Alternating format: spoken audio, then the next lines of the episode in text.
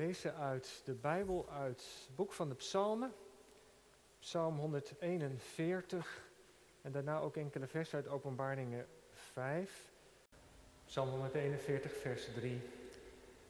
Heere, zet een wacht voor mijn mond, behoed de deur van mijn lippen. Laat mijn hart zich niet neigen naar een slechte zaak, om goddeloze daden te verrichten, met mannen die onrecht bedrijven. Laat me niet eten van hun lekkernijen. Slaat de rechtvaardige mij, het zal een gunst zijn. Bestraft hij mij, het zal olie op mijn hoofd wezen, mijn hoofd zal dat niet weigeren. En dan nog is mijn gebed voor hen in hun ellende. Hun rechters zijn bij de rotswand vrijgelaten, ze hebben gehoord hoe aangenaam mijn woorden waren. Onze beenderen liggen verstrooid bij de mond van het graf, alsof iemand op de grond iets gekloofd en gespleten had. Maar op u zijn mijn ogen gericht, Heere, Heere. Tot u heb ik de toevlucht genomen. Laat mijn ziel niet berooid achter. Bewaar mij voor de knellende strik die ze me gezet hebben, voor de valstrikken van wie onrecht bedrijven. Laat de goddelozen, de kwaaddoeners letterlijk, in hun eigen netten vallen. Allemaal, totdat ik voorbij ben gegaan. Tot zover Psalm 141. De dichter zit in moeilijke omstandigheden. Hij is vervolgd, berooid, valse rechtspraak ook. Ik kom zo nog even terug naar vers 2, maar dat gebed als reukwerk komt natuurlijk ook in openbaringen terug. Openbaringen 5, vers 8. Het visioen, wat Johannes ziet over de hemel. En dan het lam, de Jezus die de boekrol neemt, vers 8. Toen het de boekrol genomen had, wierpen de vier dieren en de 24 ouderlingen zich voor het lam neer. Ze elk een citer en gouden schalen vol reukwerk. Dit zijn de gebeden van de heiligen.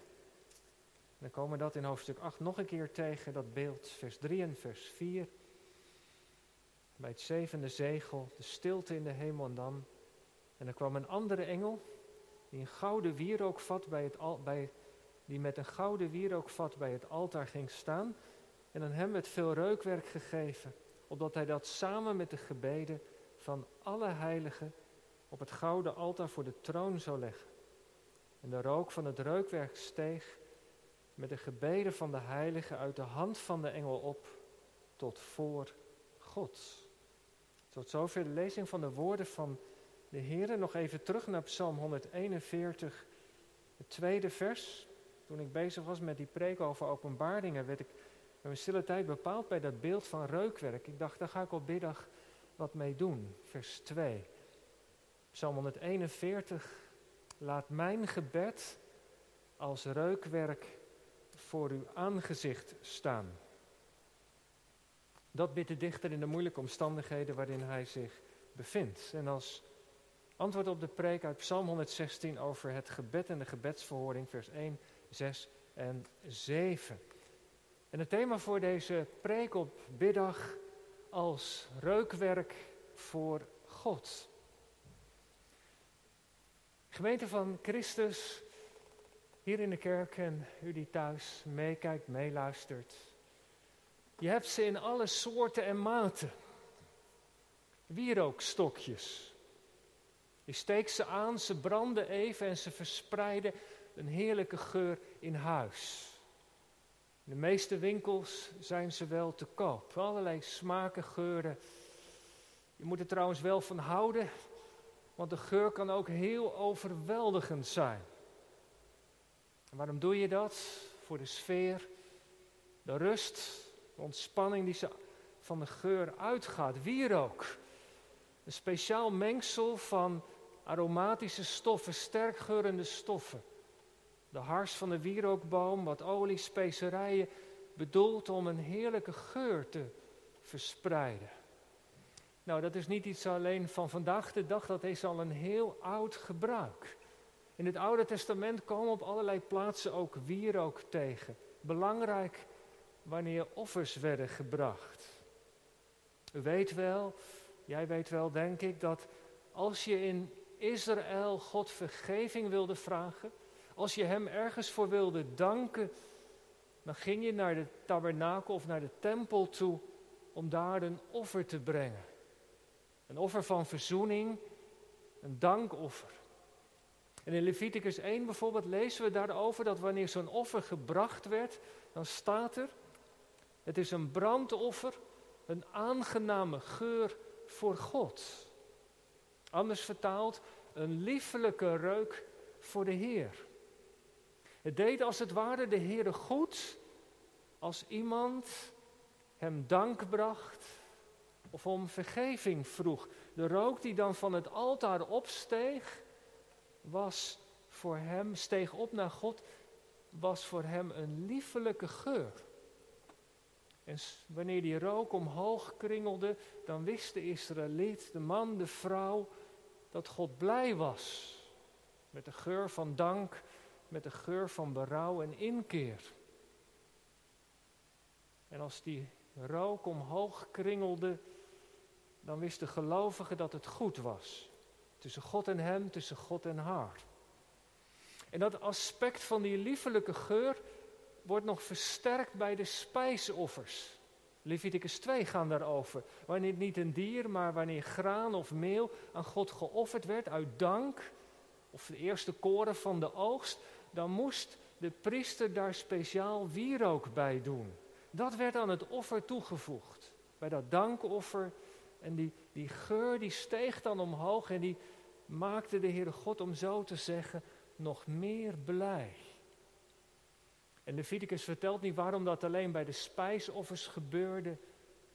Maar vermoedelijk denk ik omdat daar geen sprake was van een bepaalde zonde of zo. Maar gewoon de dankbaarheid. Het was alsof God dat voor hem extra vreugdevol was. En daarom moest de wierook aan die offers worden toegevoegd. Een heerlijke geur verspreidde dan de plek rond het altaar.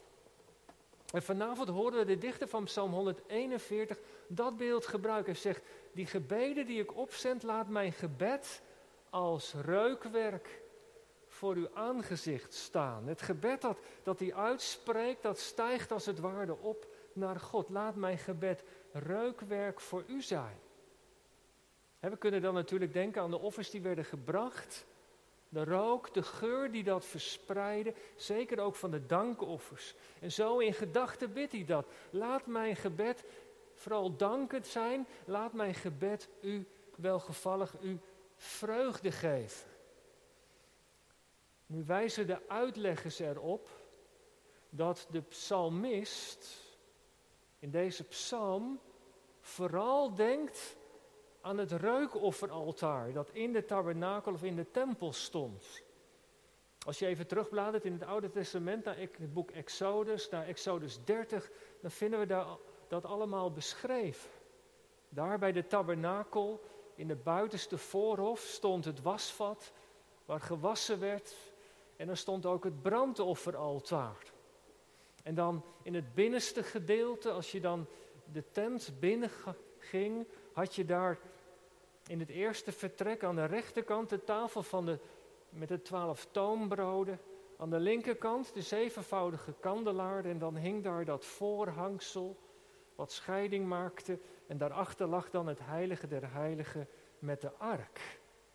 En de ark, de gerubs die erop stonden, de engelenfiguren met de vleugels naar elkaar, het verzoendeksel, dat was de plek waar God zich liet ontmoeten. Maar in die eerste ruimte, in het heilige, precies voor dat voorhangsel, stond het reukofferaltaar. En van dat altaar staat in Exodus 30 dat dat het allerheiligste was. Dat is een bijzondere uitspraak, dat had een speciale plek daar in het heilige. En elke morgen en elke avond moest daar een reukoffer gebracht worden. De priester neemt van het brandofferaltaar buiten de kolen en steekt daarmee het wierook aan, zodat in dat heilige eigenlijk de hele dag de geur van de wierook, de heerlijke geur, bleef hangen. En wat was nou de bedoeling van het reukoffer? Dat reukoffer dat symboliseerde de gebeden die de mensen opzonden naar God. Het reukoffer stond voor alle gebeden van het volk Israël. Er werden offers gebracht buiten en niet iedereen kon naar het heiligdom gaan. Er werd natuurlijk ook heel veel in het land gebeden, maar die gebeden werden dan door de priester als het ware symbolisch verzameld en voor ja, dat voorhangsel, het reukaltaar, neergelegd. En die geur die ging dan omhoog, die verspreidde die ruimte, zodat al die gebeden onder de aandacht werden gebracht van God. Eigenlijk wel, dacht ik, een bijzonder beeld. Een gebed dat op aarde wordt uitgezonden, van welke plek ook, dat verdampt niet, dat gaat niet in de rook op, dat verwaait niet, maar het stijgt op als reukwerk voor het aangezicht van God. Althans, dat is de bedoeling van dat reukofferaltaar, daar precies voor de ark, de woonplaats van God. En soms vragen we wel eens af of de Heere God onze gebeden hoort. We hebben soms het idee dat ze maar bij het plafond blijven hangen. Zal Hij echt alles wat ik uitspreek, zal Hij dat nou echt horen? Weet Hij ervan wat er speelt in mijn leven? die vragen, daar kun je soms geweldig mee worstelen. Maar ja, het laatste Bijbelboek grijpt nog even terug op dat reukofferaltaar. In dat visioen zag Johannes die schalen waarin het reukoffer de gebeden van de heilige waren. En Johannes hoort het goed, de gebeden van alle heiligen. Onder dat alle zou je even een streep moeten zetten. Van elke man, vrouw, jonge meisje, alle gelovigen, alle gebeden worden daar verzameld. Als het ware in die schaal gelegd, er gaat wier ook bij. En zo komen die gebeden door die engel daar, worden die onder de aandacht van God gebracht. Met wierook eraan toegevoegd om ze voor God welgevallig te maken. Even terug naar Psalm 141. De dichter roept dus God aan en zegt: Laat mijn gebed als reukwerk voor u staan. Daar zit dus de gedachte in: Heere God, laat mijn gebed allereerst door u gehoord worden. Maar ook laat mijn gebed als wierook zijn. Een geur die u bevalt, die voor u ouderwets welgevallig is. Als een heerlijke geur. En hij staat daarin, heeft zijn handen omhoog ter onderstreping. De gebedshouding in het Oude Testament. Maar waarom bidt hij nou eigenlijk dit gebed? De psalm is in de herziene statenvertaling wat lastig eh, te volgen. Je kan hem beter in een eenvoudigere Bijbelvertaling lezen, maar in ieder geval is wel duidelijk, hij zit in een moeilijke situatie. Zijn leven is in gevaar, hij wordt vervolgd. Mensen hebben het op hem gemunt. Laat het maar gewoon even concreet maken. Een broeder of zuster van de vervolgde kerk. Tot geloof gekomen in de Heer Jezus, verstoten door de familie, gepest, getreiterd door het dorp door de dorpsgemeenschap. Misschien ook wel vals beschuldigd voor de rechter. Of iemand die midden in een diep conflict zit met de familie. Zou de hand gelopen, verwijten worden er gemaakt. Stel je zo'n moeilijk, moeilijke situatie voor waarin je zit. Je hart is vol boosheid en verdriet. Er is je zoveel onrecht aangedaan. En het houdt ook nog niet op. En misschien ben je zelf ook wel over een grens gegaan, je hart een moordkuil geworden, woorden die te veel of te weinig waren, maar een, moeilijke situatie waarin je zit. Zo bij de dichter. En hoe je het ook wendt of keert, dat herkennen we wel. Als er wat speelt te doen, altijd ook wat met, wat met je gebed. Soms kun je helemaal niet bidden, vind je geen woorden. En soms kun je zo boos zijn dat dat je gebed ook, ja, kleurt, stempelt. Het wordt er soms ook onzuiver door. Misschien wel niet welgevallig voor God. Dan moeten we natuurlijk ook niet te makkelijk zeggen. In de psalm wordt ook heel veel geklaagd. En dat mag ook. De Heere God valt, om zo te zeggen, echt niet van zijn troon af. We mogen alles tegen hem zeggen. En toch, en toch is de dichter niet helemaal gerust. Hij noemt drie dingen die zijn gebed, nou ja, die voor het gebed belangrijk kunnen zijn. En ik denk dat wij daar wel iets van kunnen meenemen. Vers 3. vers 4 en 5 en 6. Drie dingen. Nadat hij gezegd, laat mijn gebed als reukwerk zijn voor u, hè, welgevallig. Dan bidt hij in vers 3 dat God zijn mond bewaakt. Zet een wacht voor mijn lippen. Je kunt zo makkelijk er woorden uitkramen die een ander schade berokkenen, kwaad met kwaad vergelden, vol verwijten, haatdragend zijn. Bescherm mij ervoor. Zet een wacht voor mijn lippen. Bescherm mij ervoor dat ik zuiver blijf in mijn taal. Zeggen wat niet goed is, dat mag. Assertief zijn ook. Maar help me, oh God, de dingen op een juiste manier te zeggen. Het lijkt me geweldig belangrijk gebed. Als je ziet hoe mensen op sociale media vandaag de dag losgaan. En soms, misschien doen we er zelf ook wel aan mee. Een goed gebed. Behoed mij ervoor. Dat ik niet te makkelijk dingen de wereld inslinger die anderen beschadigen. Die anderen geen recht doen. En het tweede vers 4. Bewaar mij dat mijn hart zich niet neigt naar dingen die slecht zijn, bidt hij. Dat hij mensen niet met gelijke munt betaalt. Dat hij zich, als je dat even leest, niet aansluit bij mensen die samenkomen om heerlijk te eten, maar waar iedereen over de tong gaat. Dat hij niet eet met een lekkernij op een feestje of een verjaardag, in je vriendengroep, een uitje met je collega's. En dat bepaalde mensen zeg maar worden zwart gemaakt en dat je het nog leuk vindt of dat je gewoon nog meedoet in de flow.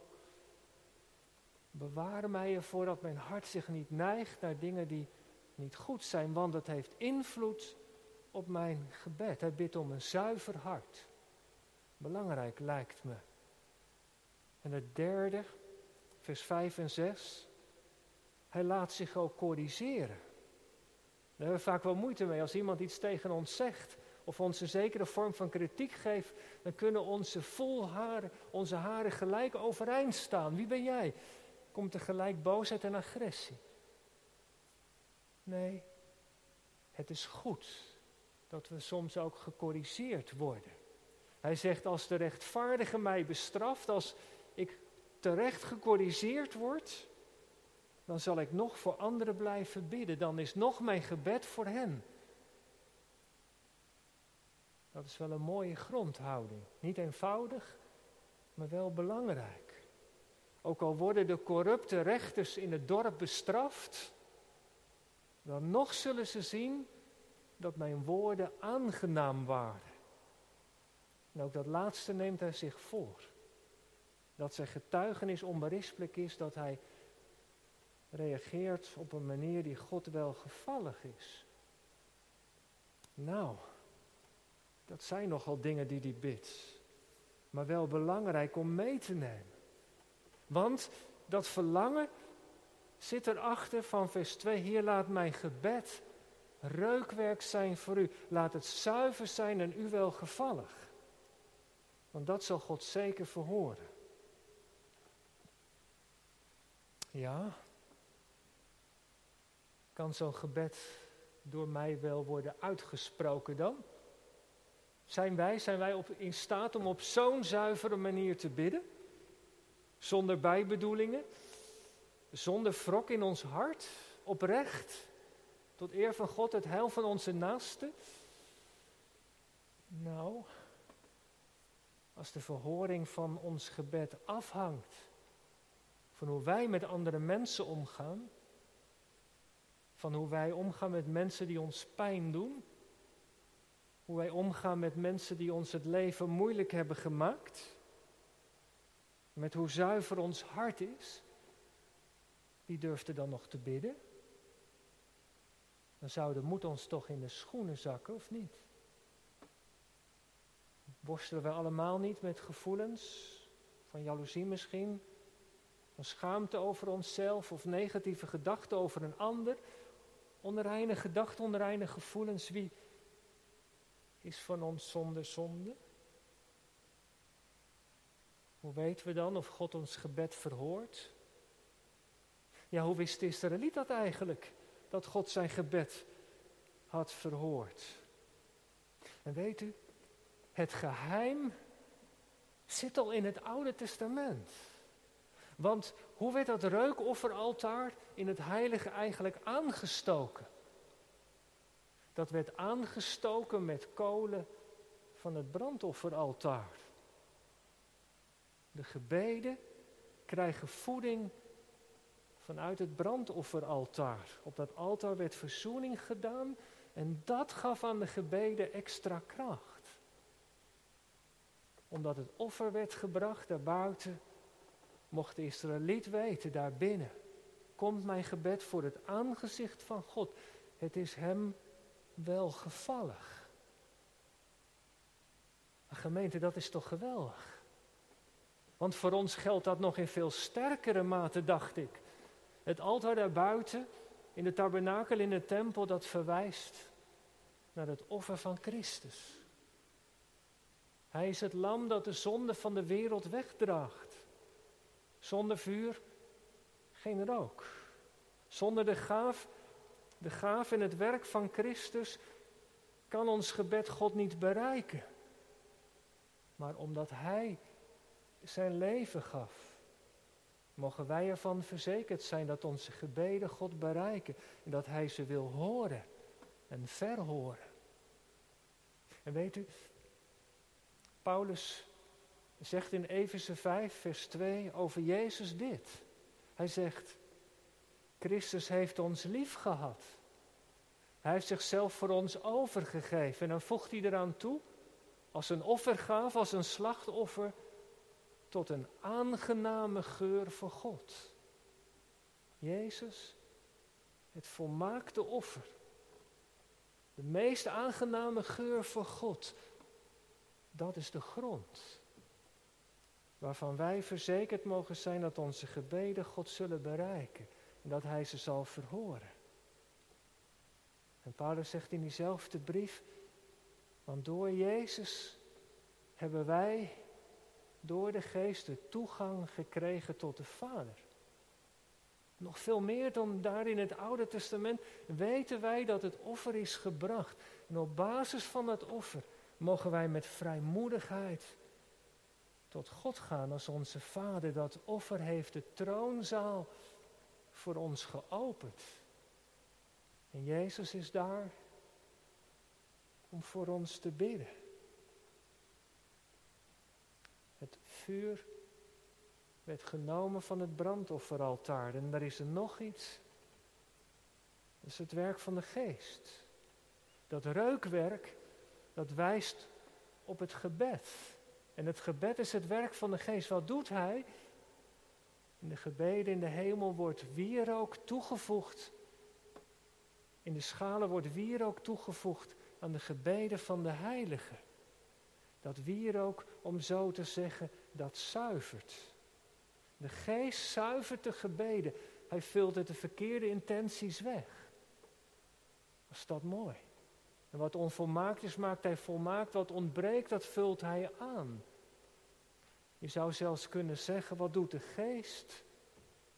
Hij vermengt onze gebeden met het geurige offer van Christus.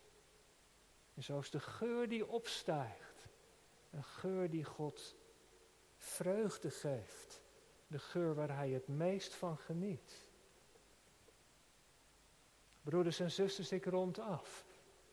Ik dacht, geef dat niet veel vertrouwen om op deze biddag te bidden. Bidden voor wat er speelt in ons leven, voor wat er speelt in de wereld. We zullen zo de dank en de noden in gebed voor God brengen. Laat ons gebed, mijn gebed, jouw gebed, uw gebed, als reukwerk zijn voor God. En de dichter doet dat midden in de aanvechting van zijn leven. Te midden van alle onterechte dingen die hem zijn overkomen. Soms ook tegen zijn eigen gevoel in. Maar hij doet het omdat het belangrijk is. Omdat hij in die situatie God zo nodig heeft. En ook omdat God zich erin verheugt. Als op aarde zijn kinderen hem zoeken, elke dag. En daarom bidden wij vandaag. Heer, laat ons gebed als reukwerk zijn voor uw aangezicht. Laat het een gebed zijn dat u vreugde geeft. Behoed de deur van mijn mond. Bewaar mijn hart voor wat niet goed is. Maar wij bidden u vandaag, op grond van het offer van Jezus, uw lieve Zoon, wij bidden in Zijn naam, met het vertrouwen dat uw geest het gebed zuivert en dat u ons verhoort. Ik heb de Heere lief, want Hij hoort mijn stem. Amen.